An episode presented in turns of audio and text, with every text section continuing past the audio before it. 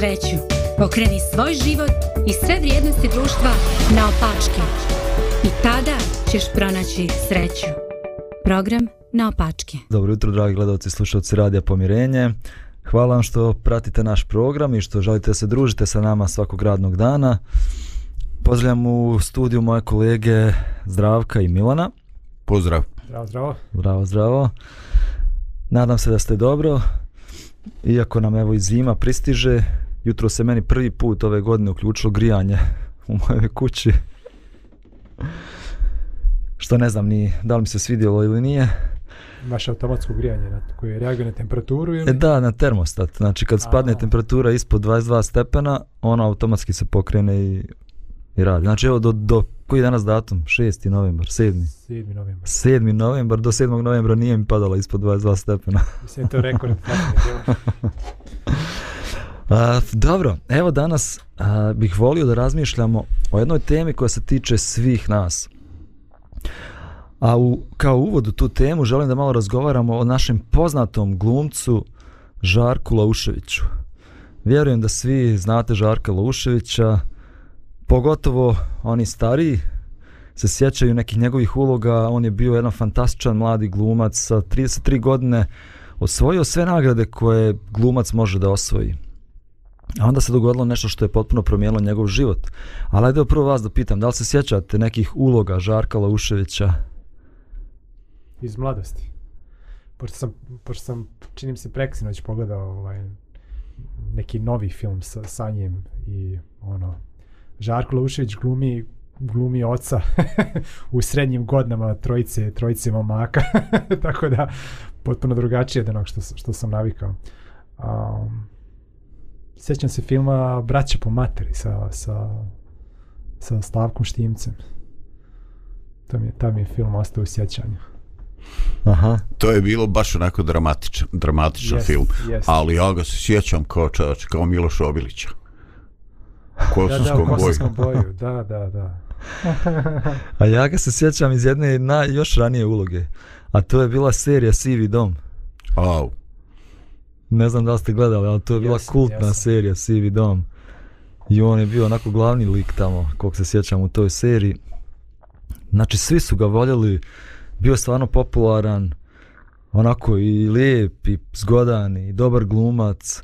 I onda, kao što rekao, nešto se dogodilo što je sve to poremetilo, pokvarilo. 1993. godine uh, Žarko Lušić je bio u Crnoj Gori, odakle on inače i rodom. I tako s nekim prijateljem je bio, tako malo i popio. I iz nekog razloga napala su ga dvojica mladića. Ti mladići nisu imali oružje, ali imali su neko hladno oružje. Tako da, vjerojatno pod utjecajem i pića, a možda i neka pretirana samoobmana, Žarko je izvadio pištolj i sa 13 hitaca iz pištolja ubio ovu dvojicu mladića. I znači to je bio veliki šok, nevjerica u cijeloj bivšoj Jugoslaviji oko toga, čitav proces suđenja. Žarko je osuđen prvobitno na 15 godina zatvora, kasnije je ta kazna smanjena na 4 godine zatvora. Na kraju, posle 4 godine izašao iz zatvora, međutim morao je da ode iz Crne Gore, da ode iz bivše Jugoslavije, zato što u Crnoj Gori dan danas postoji zakon krvne osvete. I jedan njegov rođak, u stvari rođak ovih preminulih mladića, je javno izjavio da on živi po zakonu nekog crnogorskog pretka koji je rekao oko za oko, zub za zub i da će se ta osveta kad ta dogoditi. I zbog toga Žarko bježi u Ameriku, Uh, dugo godina je tamo bio u Americi, konačno ga je bivši predsjednik Srbije, ili je to možda bila čak još i Jugoslavija, Boris Tadić, pomilovao. A, tako da, eto, nikad poslije toga nije bio u Crnoj Gori, osim jednom prilikom i to tajno je došao u Crnu Goru kada je njegova majka bila na samrti. Došao je avionom da vidi svoju majku, da se pozdravi s njom i istog dana se vratio nazad zbog straha te krvne, od te krvne osvete. E, nije bio na vjenčanju svoje rođene čerke, zato što se plašio. Ovaj, pa evo, danas bih volio malo da razgovaramo i o toj krvnoj osveti. A, ne znam da li vi znate neke primjere krvne osvete, pa ne znam konkretan primjer, ali znam da u- uglavnom je veza za to područje koje mi kažemo područje dinarskog tipa, dakle ovaj, Hercegovina, Južna Hercegovina, Crna Gora i, i Kosovo, Albanija. Ovaj, ali eh, siguran sam da eh, to ono što je meni poznato, ali siguran sam da se to nažalost tu ovaj eh, tu ne završava. Dakle, mi moramo biti svjesni da istorijski da su to bili tereni ovaj, u kojemu nije postojala nikakva garancija da, će, da je život zaštićen nekim pravnim sistemom državom ovaj, nego da su uh, porodice koje su imale dovoljno fizičke i oružane snage ovaj, imale respekt i a, a porodice koje su vraćale dugove u bilo kom smislu i, pojedi, i one pozitivne i negativne da su te porodice ovaj uživile respekt i da se na njih nije tako lako dizala ruka. Ovaj, dakle, eh, s jedne strane eh, to su vjerojatno pragmatični razlozi, ali je problem što to postaje sastavni dio jednog identiteta toga naroda. I onda to više nije mogućnost i proračunata misao, nego je to nešto maltene što te obavezuje i ako tako, ako se ne ponašaš, ti si ono dostojan prezira, otiraš za noge i tako kako kod nas narod kaže. Znači, stvar postaje dublja kad to postane maltene imperativ ili obavezni obrazac ponašanja. Hvala te, hvala te Zdravko. Znači možemo da kažemo da taj zakon oko za oko, zub za zub, e, čitamo ga i u starom zavjetu također da je postojao taj zakon oko za oko, zub za zub, čiji je cilj bio da zaštiti čovjeka, da zaštiti uh, imovinu nekoga, zato što taj zakon je donosio strah onome koje je želio da ubije, da ukrade, znao da će biti neke loše posljedice toga. No, međutim, kad taj zakon dovedemo do neke krajnosti, onda on postane postane Generacijski problem, hoćeš reći. postane genera, ne samo generacijski problem, nego on više ne štiti ljude, on više nije tu da zaštiti čovjeka, već postane baš kontraproduktivan.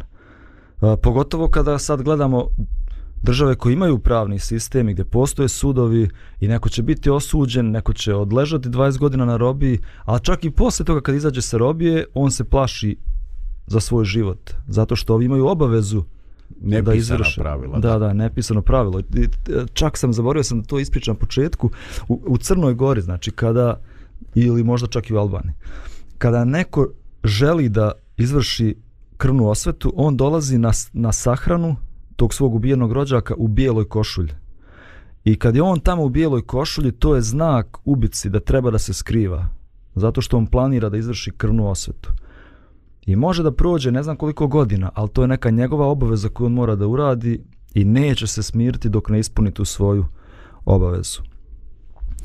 A, ajde nastavit ćemo ovu našu priču. Da li postoji neko rješenje, da li postoji neki lijek za zakon krvne osvete ili uopšte govoreći za osvetu među ljudima. A prije toga evo jedna muzička pauza pa ćemo da nastavimo naš razgovor. Može.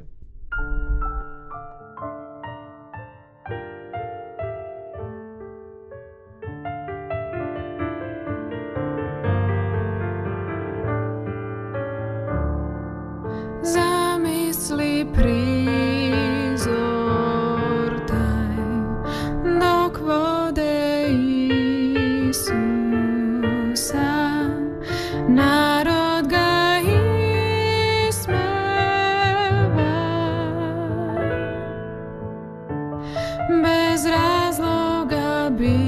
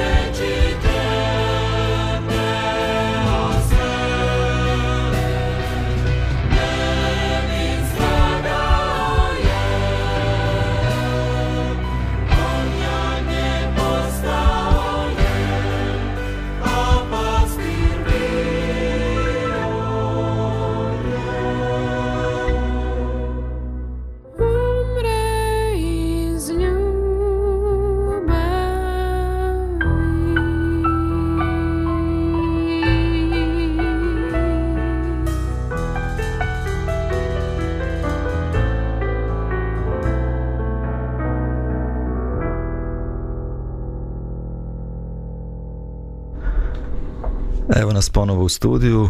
Nastavljamo našu priču o krvnoj osveti. Razgovarali smo malo o poznatom glumcu Žarku Lauševiću koji se plaši krvne osvete. A, ali to nije nešto što se pojavilo u skorijoj prošlosti. Još u davna vremena zakon oko za oko, zub za zub je postojao i postojala krvna osveta. Postoji jedan lik koji se nalazi na samom početku Svetog pisma, već u prvoj knjizi Mojsijevoj četvrtoj glavi, njegovo ime je Lameh.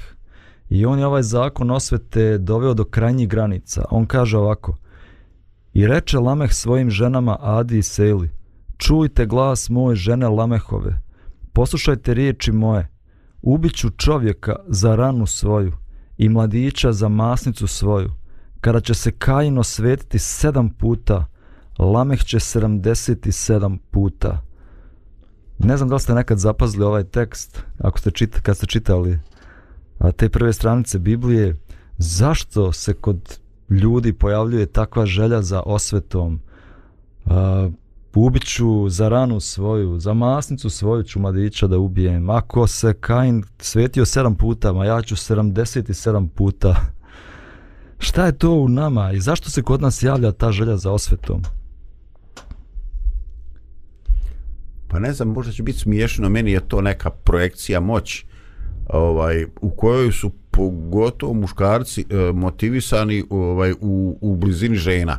Što on to, brat, nije pričao u nekoj birti, što je okupio kao mnogo božac, okupio žene i sad on, znate, ja sam glavna baja, kad me se moraju bojati ovi u selu ili šta ja znam u naselju, onda vi žene mora, možda je htio malo da mu žene, znaš kako je, ono, nekad je teško izaći na kraj s jednom ženom, a ovaj ko, ko zna kako njima bilo koji su imali više pa je možda ono sam sebi ovaj e, dozirao autoritet i tako. Ali uglavnom ja znam ja sam bio već mlad kad sam to pročitao baš dosta i prva moja reakcija je bila ovaj lik nije pravo normalan. Mislim prva iskrena iskrena reakcija. Ali, ali ako dozvoliš e, postoji nešto što je sada obrazac ponašanja a recimo ja se lično ne slažem s tim.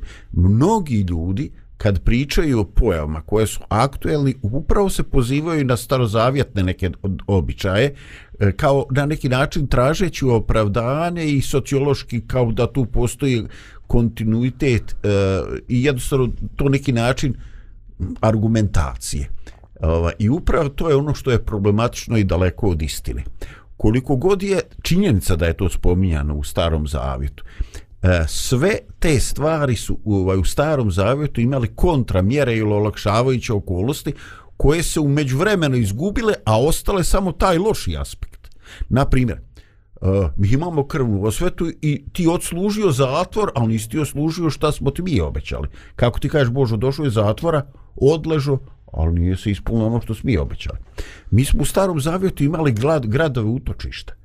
Znači, on je morao da svede svoj život na neko limitirano geografsko područje, ali je bio zaštićen od osvete u tom gradu, jer možda se ubistvo ili nešto desilo iz nehata, znači nenamjerno, i stvarno čovjek misli da nije kriv. I možda većina ljudi koji su bili svjedoci u selu, ali oni su dali obećanje. Dakle, on je imao gdje, ovaj, e, imao je gdje pobjeći.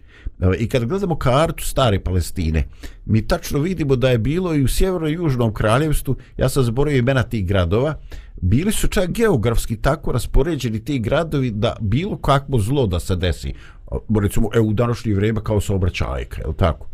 da su oni imali dovoljno mogućnosti da se sklone i da žive nimalo lagodnim životom, ali da ipak žive i to pod uslovom da nije bilo namjeran, da namjeran zoči, što je opet neko vijeća staraca u tome gradu ispitalo slučaj i dozvolilo da živi.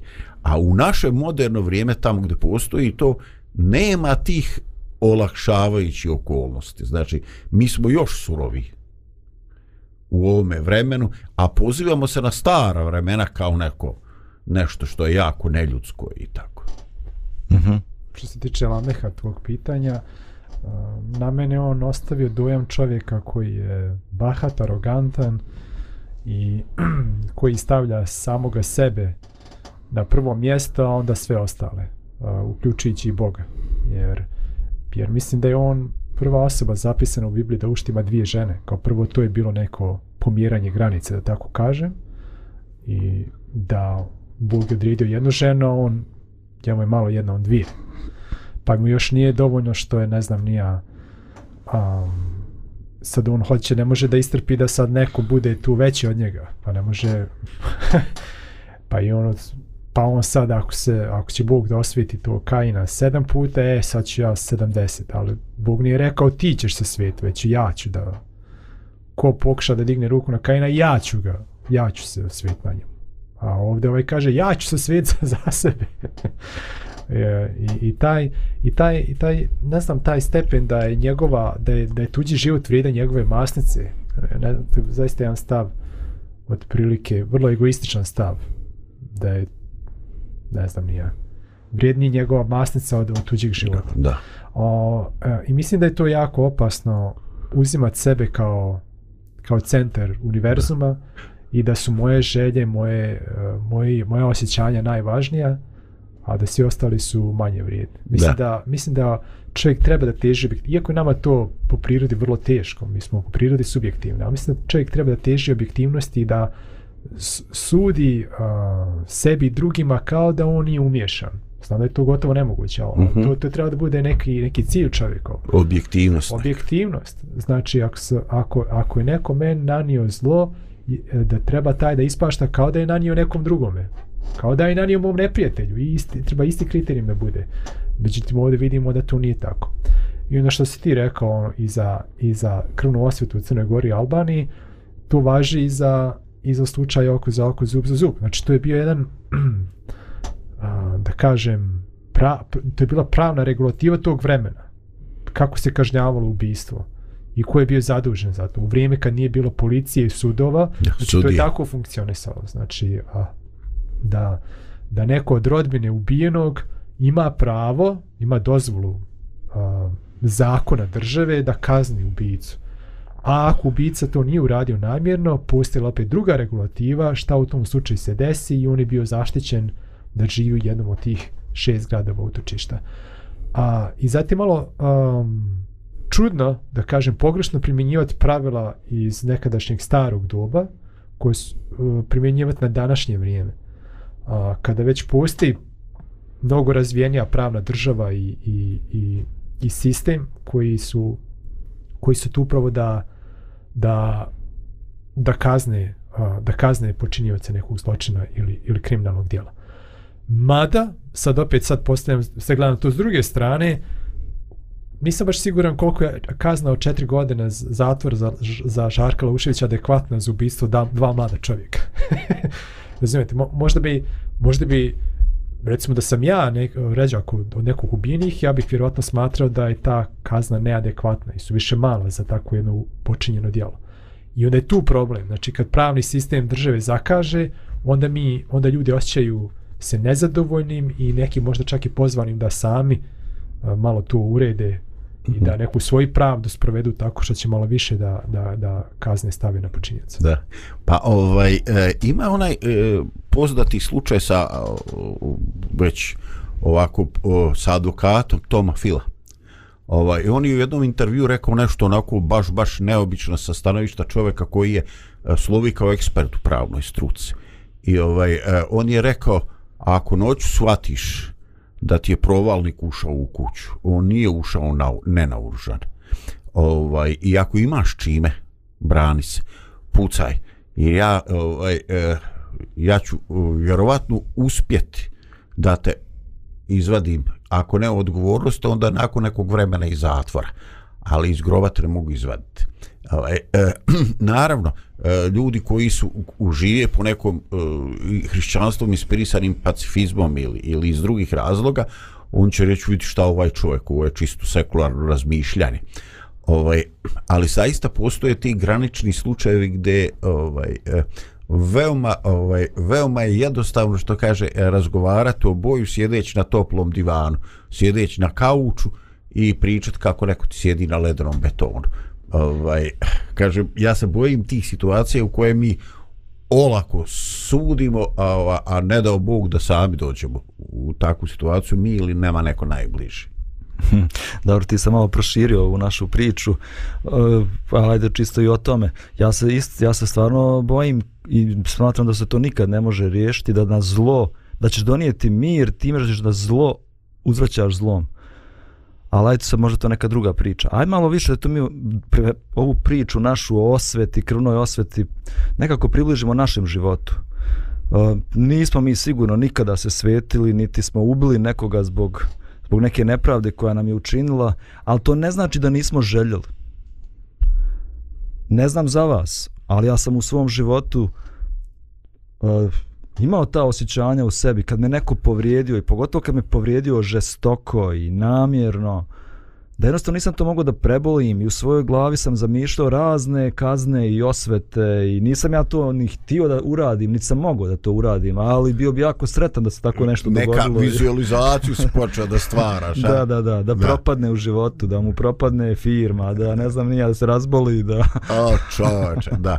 A vidiš, interesantno, ovaj, kod mene je to izraženo, znači daleko sam od sveca, a kod mene najkritičniji dio upravo taj dio, ovaj, recimo to neko nasilništvo, unošenje u facu i tako. Znači, taj trenutak je baš ono da mu refleksivno ne odgovorim, razumiješ? I o, uvijek sam se uvijek sam se najviše plašio tih nekih situacija, onoga, recimo, unosi mi se ludak u facu i ja ga čelom otresam u nos i on pogine. Mislim, ono, razumiješ? Mislim, blesavo do kraja, ko je ovdje luđi? Ovaj, I ispada da sam ja luđi. Ovaj, dakle, e, strašno je, mislim, to je strašno. Evo, mene to sve nepovratno vuče na ono molitve oče naši da ne dovedi nas u, u iskušenje, ne dovedi nas Božu napast. Jer ovaj, e, strašno je. To što ti govoriš, ono naknadna osjećaj povrijeđenosti, pa ga ti na neki način ispucaš, istrošiš, e, pust, slegnu se strasti, vrijeme malo liječi, ostane gorak ukus u ustima. Ali e, E, afektivno e, reakcija, ovaj tren. I pogotovo kad bi se kad bi se to desilo na nekome ko je nezaštićen tvoj žena djeca. Ovaj ne znam. Ne dovedi nas i napast. Ma dobro, a moje pitanje, zašto se u nama javlja ta želja za osvetom? Ako, ako sigurno ne želimo da se nama neko sveti, sigurno ne želimo da nama ljudi uh, E, ponašaju se prema zakonu oko za oko, zub za zub i za svaku grešku da dobijemo odgovarajuću kaznu, a zašto mi onda nekako spontano, prirodno imamo u sebi tu želju za, za osvetom? Evo reći ja jedan primjer iz mog života. Ja, kad sam bio u školi, uh, bio je neki stresan period i svi smo se mi nosili sa tim stresom na neki svoj način. Međutim, je jedan od mojih ško- drugara iz razreda je, kako bi rekao, bio je bio nezgodan prema, prema, prema ostalima. U smislu da je kinio, da je, da je bio možda, aj malo pomalo da kažemo, onaj bully, što je malo, se onako malo silio i spuštao drugi, recimo, aj tako da kažem. I, I desila se tu neka situacija, sad da ne ulazim kako se to desilo, on je prvi, najprije u jednu, uzeo jednu djevojčicu na, na, na nišan, pa je nju malo gnjavio, pa je onda ja moj drug koji sjede na mene rekao, ajde pusti je, pa je onda ovaj, on prešao na njega, ali pošto taj moj drug bio neki šampion u judu, onda je on, ovaj, kako bi se izvukao iz te situacije, kad je vidio da se sve nešto nasmio, on je onda na mene prešao i tako uglavnom završio se time što je mene udario. I ovaj i sad ja tu nisam ništa, niti sam ja njemu nešto uradio, niti sam mu šta rekao. Znači, potpuno, potpuno neopravdano je bilo to nasilje. Još je to bilo pred nekim drugim, ostalim iz razreda. I ja moram priznati da sam maštao o osveti. I vizualizirao i praksao. Jesi išao tego, kod će malo da ojačaš ono vježbu udarac tamo u... Pa nije, imao sam već neke sam ja borilačke vještine nekad prije toga trenirao i vježbao sam neke udarce. I moj brat me zezao, jel ti to maštaš da udariš onoga? Da, i, i, je sve će odredio ja sam, cilj, ja sam mu priznao, pa da. Šta misliš, šta, šta bi se desilo kad bi ga ovako udari? Onda sam neki udarak iz, iz skoka. A moj brat kaže, mislim da bi ga ubio. Ja tad to nisam uzimao za obzir, uh, nisam uzim- uzimao za ozbiljno, ali poslije kad sam malo više čitao o tome a, kako se završavaju tuči i šta se može desiti u toku njih, a, nije nemoguće da je moj brat bio u pravu. I da je možda jako dobro što nije nikad došlo do tog, do druge runde. A, jer sam ja nosio taj neki bijes u sebi i imao sam dovoljno nekih, ajde da kažem, vještina da ga ozbiljno povrijedim. I ovaj, međutim, um, njegovi roditelji su bili jako pametni i odgovorni i on su baš dobro razgovarali s njime i on su nazvali moje roditelje, on su svi došli, sve, i majka i otac i taj moj drug kod nas kući i razgovarali s nama, pokušali da poprave stvar i kasnije sam na časom je vidio zaista da, da se desila promjena u tom mom drugu i da je on pokušavao da i da on više nije nikoga maltretirao, pokušavao da popravi ocjene, da marljivije uči, da se taj, zaista, da je taj događaj bio neka neka prilomna tačka kad, je- gdje se zaista vidla promjena do tog događaja i nakon tog događaja. I onda kad sam ja vidio da onda sam to ja sam odustao od osvete zato što sam shvatio da da taj koga bih sad udario više nije onaj koji je zaslužio. koji zaslužio. Da ovog čovjeka treba ohrabriti, a onog je možda trebalo obuzdati. Mm. A sad obuzdavati, kažnjavati ovoga koji je već doživio promjenu uma, da je to potpuno besmisleno. Znači, I onda sam odustao. bravo za tatu i mamu, ja. Mislim da su, da su, ne znam, mislim da su oni na, najzaslužniji za to, da. Dobro. Pa ajde ovako, možemo da zaključimo ovaj dio emisije da a, ne znam, Bog je stvorio ljude da budu prijatelji jedni drugima i sa njim i da njihovi odnosi budu odnosi ljubavi. Međutim, na sva ta čuda Božja koje je on stvorio, ljudi su dodali jedno svoje čudo. A to je zakon osvete. Povrijedi me, ja ću povrijediti tebe. Za svaki pa i najmanji bol koji mi naneseš, morat ćeš da pretrpiš odgovarajuću kaznu oko za oko, zub za zub.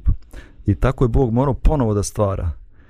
I stvorio je jedno čudo koje može da izliječi te poremećene odnose među ljudima i da izvadi mržnju iz života ljudi, a to čudo se zove oproštenje. Možda posljednji i najbolji dar ljudskoj rasi. Ali o tome ćemo pričati nakon muzičke pauze.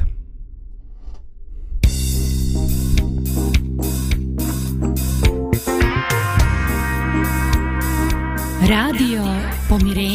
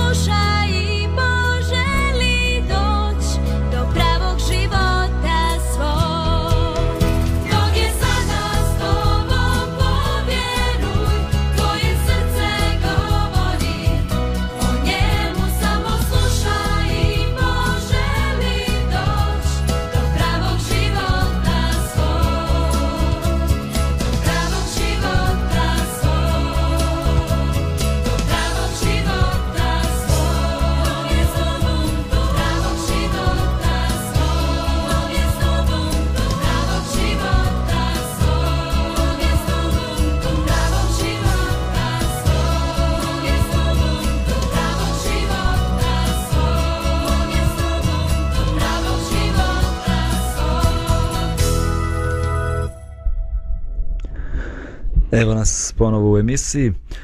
Govorili smo, prvi dio emisije smo govorili o osveti i o krvnoj osveti i o našoj želji, ako čak i nije, ne mogu da se osvetim, ali našoj želji da ono koji me povrijedio, da mu se dogodi nešto loše. Pa u najmanjoj mjeri to što je meni on uradio, da mu se to dogodi, ali ako je moguće malo i više nego što je on mene povrijedio, Kamate narasla. da, ovaj, možda nisam odgovorio na tvoje pitanje koje Aha. se postavlja, koji je to razlog zašto želimo da se osvijete. Pa sad ja pokušam da onako iz... Prvo neka um, povrijeđena osjećanja, u smislu um, možda, možda i, i fizičke povrede, a i, a i povrede ličnosti, u smislu povrijeđenog ega. Znači, ako nam neko nanese nepravdu, on ne samo da nas je oštetio na neki način, već, već nas je i možda i ponizio i obezvrijedio kao ličnost, jel, u tom smislu. A, I u tom smislu možda čovjekova želja jeste da prvo izjednači, da nekako bude pravedno, da onaj bol koji, koji sam ja pretrpio i patnju koji sam, kroz koji sam ja prošao, ja želim da i ta druga osoba osve, osjeti. A, a druga stvar jeste što je moj ego povrijeđen i što ja želim da, da na neki način tražim nadoknadu. nadoknadu za moj povrijeđeni ego. A, mislim da su to neka dva razlika koje ja barem vidim. Mhm. Sigurno, sigurno. Znači mi se osjećamo manje vrijedni kad nas neko omalovažava, kad nas neko kinji, kad nas neko povrijedi, mi se osjećamo kao da se on ponaša prema nama da smo mi manje vrijedni od njega. I to nas boli, i to nas muči i želimo na svaki način da povratimo svoje dostojanstvo. Ovaj. A i samom tom osvetom pokazat ćemo da smo na istom nivou. Mi smo na istom nivou, znači nisam ja ništa manji od tebe. Ovaj, tako da, da, definitivno to su neki razlozi. Ali, ali sigurno da to nikad ne donosi dobro ni jednoj osobi, niti generalno društvu u kome živimo. Postoji mnogo bolji način, a taj bolji način se zove oproštenje. Uh, ja sam bio jednom u Sarajevu i držao sam predavanje u jednoj prostoriji tamo sali I tako govorio sam o, o ljubavi, o proštenju, Božoj ljubavi o oproštenju i onda neki čovjek se ja digo ruku i rekao vi hrišćani ste veliki slabići. Ovaj, sve što vi znate da pričate je o ljubavi i oproštenju. tako je rekao. Ovaj, da li je to stvarno sad tako? Da li smo mi slabići? Ako govorimo o ljubavi i oproštenju. Možda i jesmo. U svakom slučaju postoji jedan događaj zapisan u evanđeljima Petar, Isusov učenik, dolazi do Isusa i kaže mu Isuse, kad me neko povrijedi i povrijedi me više puta, koliko trebam da opraštam? I onda kaže, pa jel dosta sedam puta? Šta mislite o tom Petrovom pitanju? Šta se tu krije? Šta on u stvarnosti misli? Šta pita? Ja sam buraz spreman, sad ja u ime Petra, Aha. ja sam buraz spreman da budem čestit. I evo vidiš koliko sam velikodušan. Ti si vjerojatno očekivo da ja kažem tri puta. Ja kažem sedam. On je možda mislio da će fascinirati Isusa. Ali on, on kreće od pretpostavke ovaj mora to imati ograničenja jer ako se ludak namerači na tebe razumiješ neće to stati i imaš stvarno u životu takvih situacija navikne se neko, čo bola ono, ono dnevna aktivnost, ono, a ako nikoga nije povuk, izvu povuko za kosu ili za uši, propade mu dan. I on to stvarno radi dok ne dađe neki rođak sa sela od nekog od ovih ugroženih i pokaže mu ko je glavni. Ovaj, e, i mi, moje mišljenje je da on stvarno mislio da će on fascinirati Isusa i Isus ga ubio u pojem totalno sa svojim odgovorom. Pa ja mislim isto, ja, ja mislim da, da, da je dotadašnje neko pravilo bilo do tri puta i vjerojatno je Petar osjećao da, Kalkuliše, kalkuliše.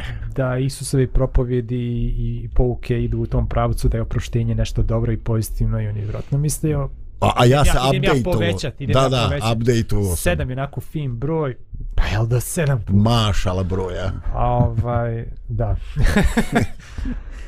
Da, rabini su imali zakon, znači nije to ni čak Isus prvi govorio o proštenju, već i rabini su govorili da treba praštati, ali rekli su do tri puta.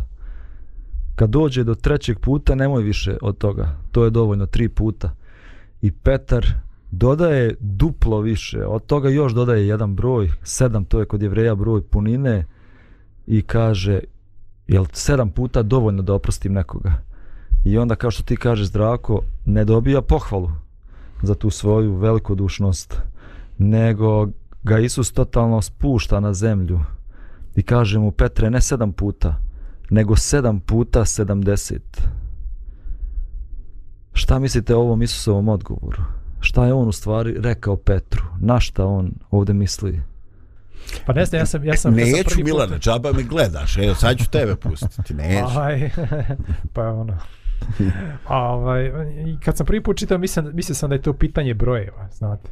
Ono, kao u smislu, sedam nije dovoljno, ali ako brziš nekoliko stotina puta, to je dobro. A, međutim, sad kad, kad slušam to, nekako mi drugačije zvuči mojim ušima. Ako ja opraštam s namjerom da je sedam taj konačni broj do kojeg će opraštati, šta to znači? Onda se spremaš za osmi put. To znači da ja vodim evidenciju, aha, sad sam ti oprostio, a da li je to onda pravo oproštenje ako ja, ako ja ono pišem packe, ovaj, pravim mikseve, aha, jedan put, dva put, da, da li ja stvarno opraštam onako iz srca kao da se nije ništa desilo i kao da je naš odnos, eh, kao da se to nije nikada ni desilo. Znači, ne opraštam očigledno, ja imam neku rezervu. I ja ga čekam onaj E, osmi put, To je ono, to je ono, ko kaže prizna, oprosti mu se pola. A onda neko dodo. A za ono pola prebiju ga ko vola. Znači, ono, to je, ovaj, to je nevjerovatno. Da, a kad 400, Izvini. a kad već 490, znači, ko će brojati do 490? To Nema znači, smisla. više ni ne brojiš. Praštaš zato što je tako treba, a ne očekujući kad će doći onaj broj preko. Mislim da je to to. Ljudi, ja se osjećam kao Petar. Ovo, ja se osjećam kao Petar i neću da izigravam ovaj, e, Sveca. sveca, jer to stvarno nisam ni blizu, ali ja mislim da se ovo veoma lako ovaj zloupotrebi i ovo daj barabama ovo i reci ova grupa ljudi oprašta 490 puta. Pa bajo neš preživjeti od njih. Ovaj, eh, dakle ja eh, mislim da je ovdje akcenat na nečemu drugome a to je provjeravaj. Kao što se kaže u onome trenutku kad te dijete iznervira tad viš nemaš prava da ga da mu dodariš fizičku kaznu zašto? što ti viš nisi normalan ti, si dozu, ti si isprovociraš znači ti sada nećeš e, dijete disciplinirati i pedagoški ga kazniti nego ćeš ti liječiti neke svoje komplekse Iskaljivati bijes. iskaljivati bijesu, što nije zdravo. Ni za tebe, ni za dijete. E sada, ja ovdje stvarno ne mislim da treba ljudima bezgranično ovaj praštati. I mislim da se ovdje radi o nečemu drugom. A to je, e, nemoj se svetiti za sebe. E, nemoj upravo to. Dogod ti osjećaš taj poriv, joj Bože, bi ga, bi ga volio poniziti i spustiti, nisi kompetentan, to je Božja stvar ali jednostavno postoji neki e, postoji onaj poz, e, izraz u pravu nužna odbrana. Znači gdje se ti braniš i gdje sudija posle analizira e, šta je tu bila nužna odbrana a kad je to krelno u, u, u naplaćivanje ovaj kamata je li tako? Tako da ovaj postoji i ono da jednostavno jednostavno ljudi moraju osjetiti na ovaj ili onaj način da je njihovo ponašanje neprihvatljivo to se definitivno mora da, ja, desiti. ja sam mislim E sada na koji način ćeš ti to ostvariti?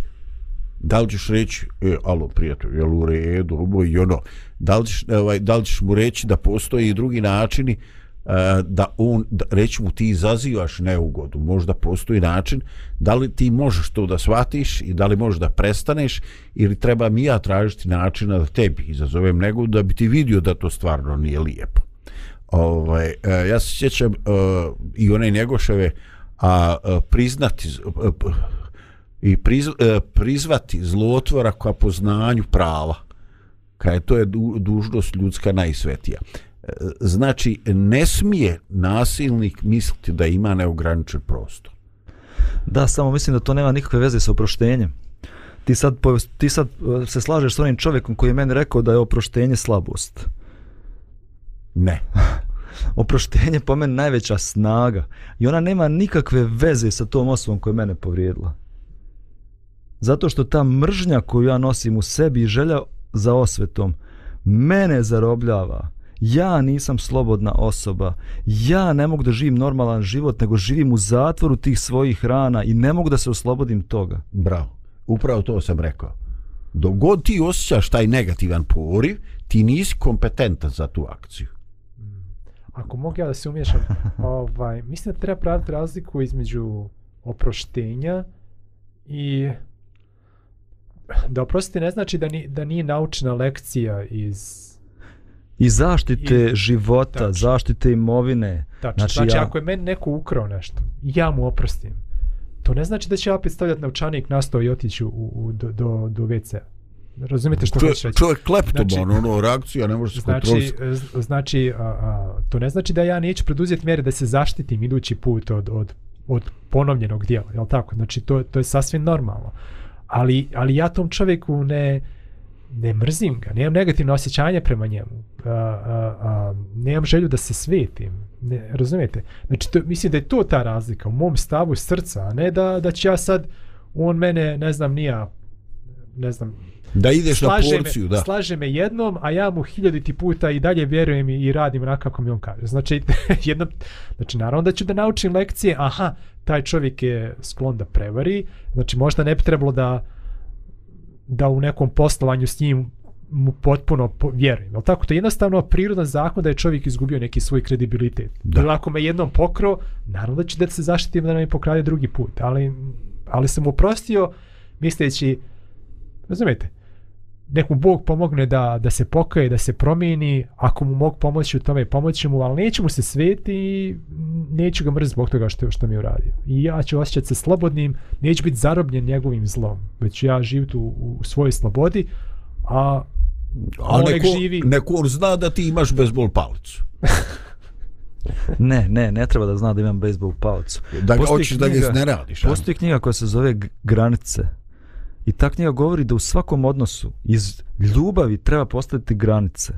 Znači to su granice nekog uh, ponašanja da ne bismo povređivali jedni druge. Znači ako me ti sto puta povrijediš, pa ja ću reći zdravko izvini, ja ću postaviti granicu. Ja tebe volim, ti si moj brat, ti si moj prijatelj. Ali postoji granica ovdje zato što želim da zaštitim sebe, a i želim da naš odnos zaštitim. Ali opet što je, i kao što je Milan govorio, ali ja nemam ni trunke, ne bi trebao da imam ni trunke, mržnje prema tebi, želje da se svetim, ali naravno da ću da zaštitim i svoj život i život svoje porodice i u krajnjoj liniji naš odnos ću zaštiti time što ću postaviti granice, neke normalne i zdrave granice.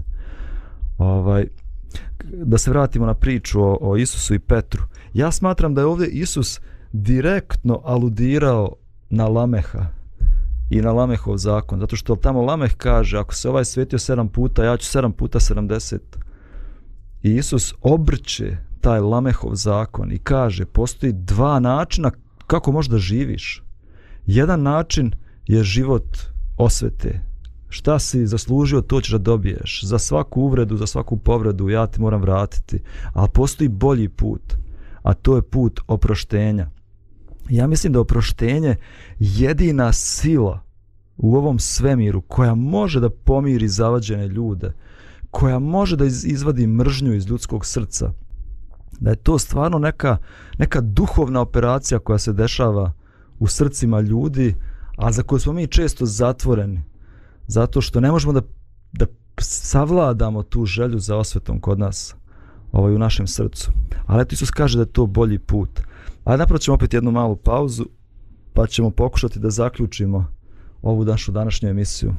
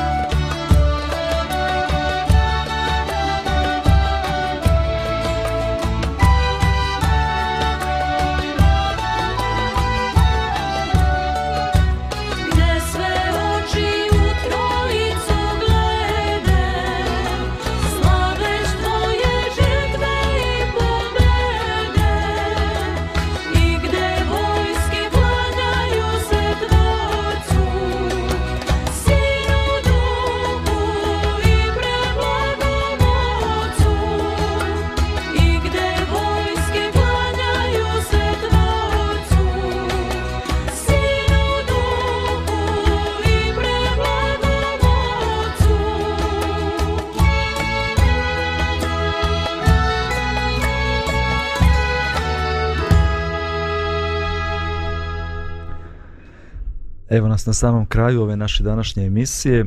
Pokušat ćemo da izvedemo i neki zaključak. Na kraju govorili smo o osveti, govorili smo o proštenju.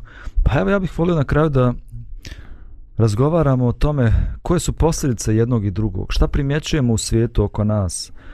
Gandhi je rekao zakon oko za oko će učiniti da sav svijet bude slijep. Pa ja ne znam da li je ovo njegovo, ova njegova izjava neko zloslutno proročanstvo i bojim se kad pogledamo današnji svijet da možemo da vidimo da smo skoro svi slijepi zato što slijedimo taj zakon. Ali evo ne znam, da li vi znate za neke primjere ili neke istorijske činjenice ili primjere iz života kako je zakon oko za oko, kakve posljedice imao ili opet neki primjer kakve posljedice imao neki slučaj gdje do izražaja došlo oproštenje. Ja mislim da sam ja to spomenuo. Saladin, arapski vojskovođa. Ovaj, e, znači, krstaši su zapadne evropski hrišćani došli tamo, napravili užas. Pobili Arape, pobili i hrišćane ove istočne. Ovaj, jer jednostavno nije to bilo nikova organizovana vojska, nego ono, znaš, kao idemo za svetu stvara, idemo pljačkati, jel tako? I tu, ko je nastradao, nastradao. Ovaj, I on, kad uspijeva, ovaj, eh, on dozvoljava da prinčevi ljudi da izađu ovaj, i onda jedan od tih vitazova pita ga čekaj ali ovaj, eh, tvojim ljudima se desilo to i on kaže ali ja sam Saladin ja sam drugačiji.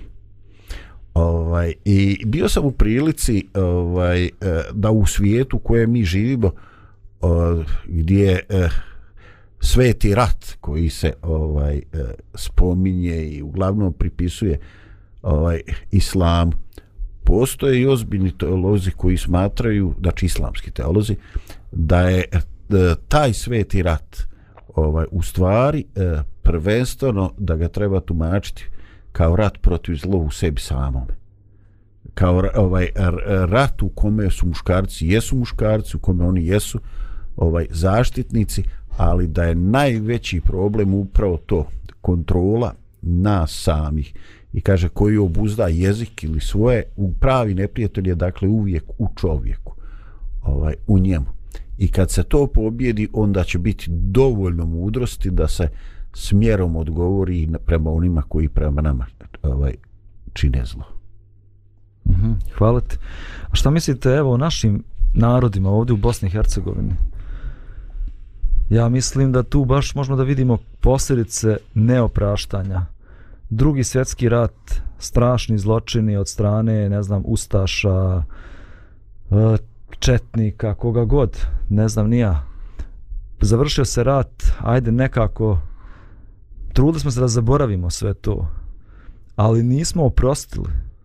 50 godina kasnije, ponovo sve se to vraća i ponovo želja, e sad je prilika da se mi vama osvetimo i onda ponovo isti zločini se rade onom drugome i sad će proći opet 50 godina možda nekog mira nije došlo do pravog oproštenja ni do pravog iscijeljenja dogodit će se neki novi sukob i onda će opet ti reći sad je naše vrijeme da se mi osvetimo i onda možemo da vidimo ispunjenje tih Gandijevih riječi oko za oko će učiniti da sav, slijep, sav svijet bude, bude slijep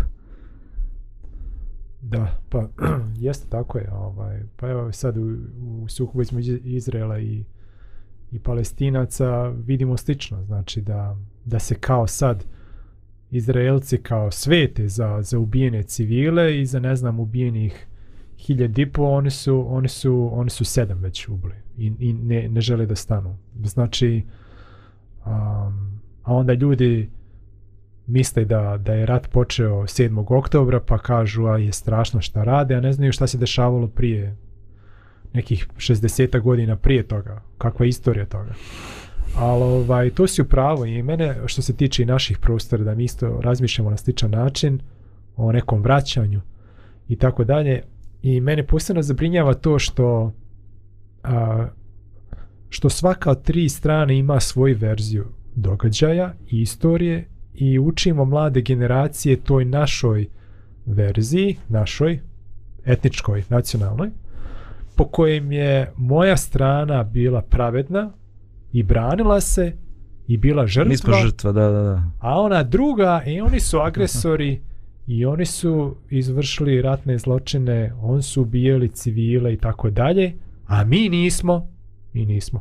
Ili ako jesmo, to su bili pojedinačni slučajevi, a oni su to radili masovno. Ili je to bila odbrana? ili je to bila odbrana, mi smo se branili, pa je tako pa, ponekad je i, i, i neki civil slučajno, nas, znate, ta, to je neka ta, ta, takva logika. A, I mislim da je bilo daleko bolje da je tad, pošto je tad, eto, premda sam ja, dobro, nije ni bitno, ali ako je već taj strani faktor tako duboko intervenisao u našoj državi, mislim da je bilo bolja odluka da kaže, ok, istoričari jedni, drugi i treći i učesnici događaja, vi se dogovorite šta se desilo. šta se desilo, ko je počeo, ko je šta uradio i onda ćete tu zajedničku istoriju da učite u zemlji. Jel tako? Čoveč, pa ti Pa nek se oni tuku u prostoriji da, da nek dokazuju dokumentima šta je bilo, kako je bilo i kad onda kad se onda vidi šta je bilo, neko da napišu jednu istoriju za sve. I onda u toj istoriji čitaš ovi su radili ovo, ovi su radili ono. I onda vidiš, ok, nije, To je konsenzus nijedna- to je neki konsenzus, očigledno da baš nema, da nije baš crno-bijela slika, Da.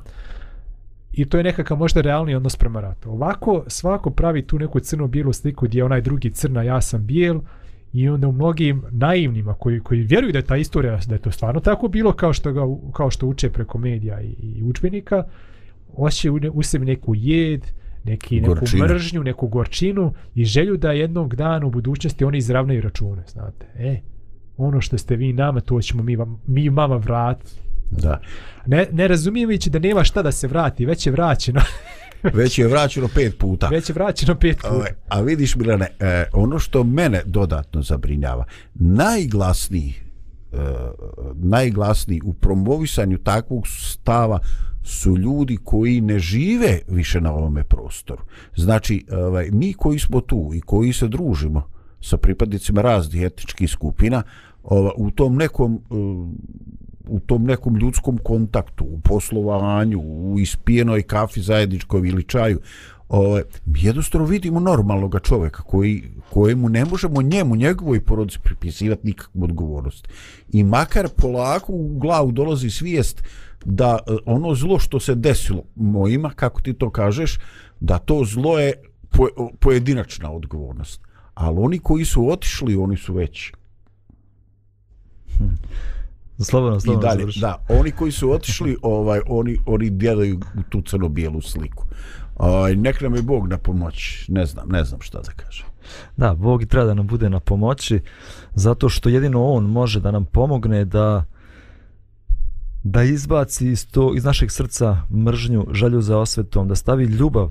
Ali nastavit ćemo mi ovu priču i narednih sedmica. Sljedeći put ćemo, sljedećeg utorka ćemo govoriti o tome zašto oprostiti, pa ćemo onda dati neke primjere, E, pozitivne primjere oproštenja i kakve sve to posljedice može da ima. Ali evo za danas želimo da razmišljate o ovim stvarima i da shvatite da je bolji put, put ljubavi i put praštanja nego put osvete i put mržnje. Slušamo se ponovo sutra u isto vrijeme. Lijep pozdrav! Pozdrav.